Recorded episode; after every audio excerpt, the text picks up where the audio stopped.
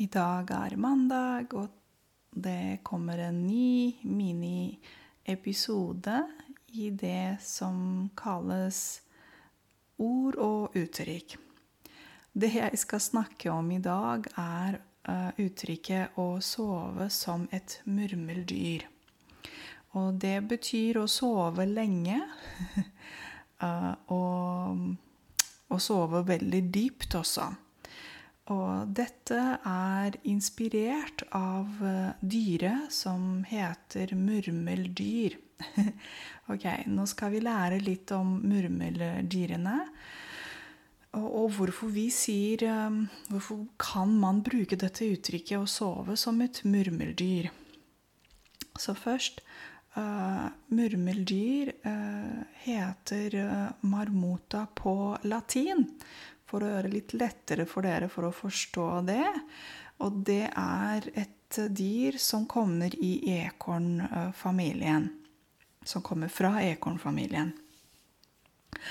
Eh, når du ser, eller når man ser på murmeldyrene, så ligner de litt mer bever enn ekorn.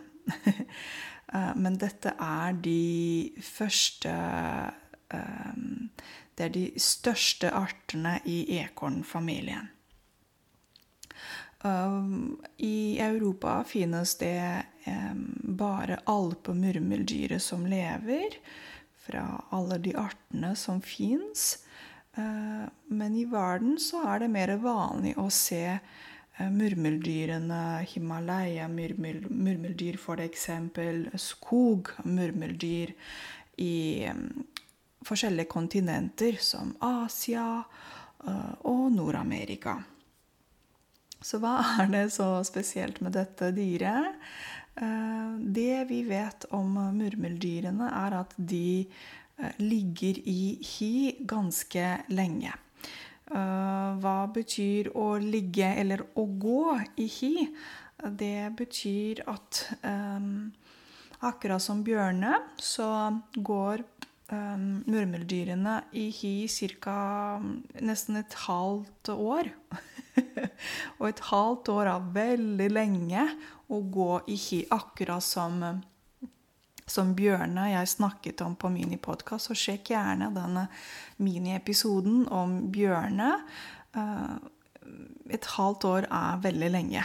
Og når de går i hi, så liker Eh, disse dyrene, murmeldyrene, å gå i hi sammen. Så det er flere, på en måte. Det er ikke som uh, bjørn som går i hi alene, men her er det på en måte flere som gjør dette her. De går i hi, altså familien, venner, kan du si. og å gå i hi et halvt år er veldig lenge. Kanskje mer enn et, et halvt år. Um, uh, fra ca. september uh, September-oktober så går de hi frem til april eller mai. Og det er ganske lenge. Det som er fortsatt interessant og um, sånn litt uh, jeg bare lurer litt på hvorfor å sove som et murmeldyr og ikke å sove som, som en bjørn. Det får man bare spørre og, og, prøve å finne selv et svar på det. Så det er det som er grunnen til at eh, man kan bruke dette uttrykket å sove som et murmeldyr. Hvis jeg skulle velge, så ville jeg valgt og ville sagt at å sove som en stein er kanskje mer vanlig å bruke når man snakker om å sove tungt og sove veldig godt. Um, ja, uh, og stille. Og det er en deilig Man får et deilig søvn.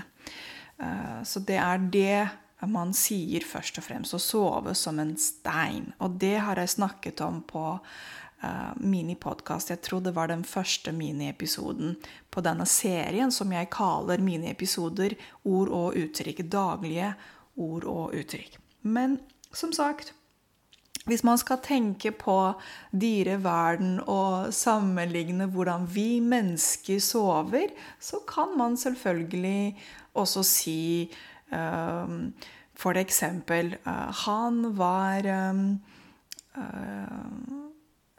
sliten etter en etter den treningsøkta i går, og så ligger han og sover som et murmeldyr.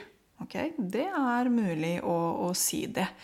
Um, folk kan bruke Når jeg satt og leste litt om dette uttrykket, så fant jeg ut at det fins masse forskjellige uttrykk og forskjellige dialekter i Norge.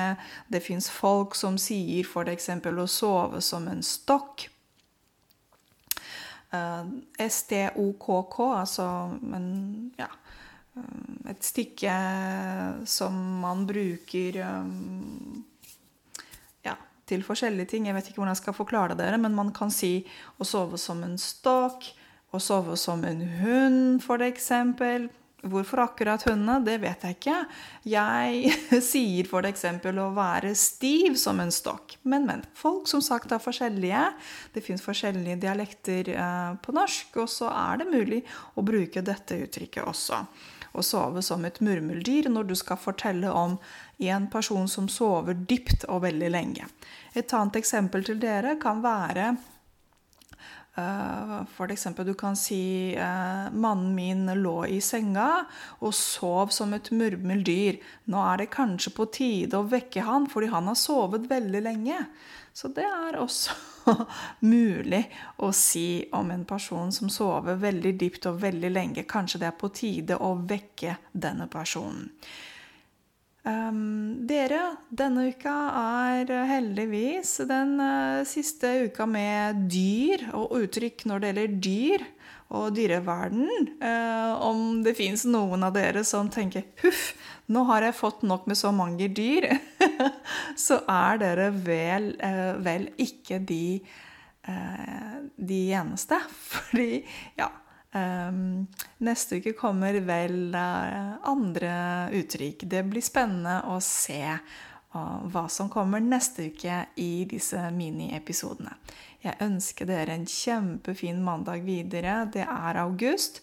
Uh, en flott uke og start på uka, og så høres vi vel på podkast snart igjen. Ha det!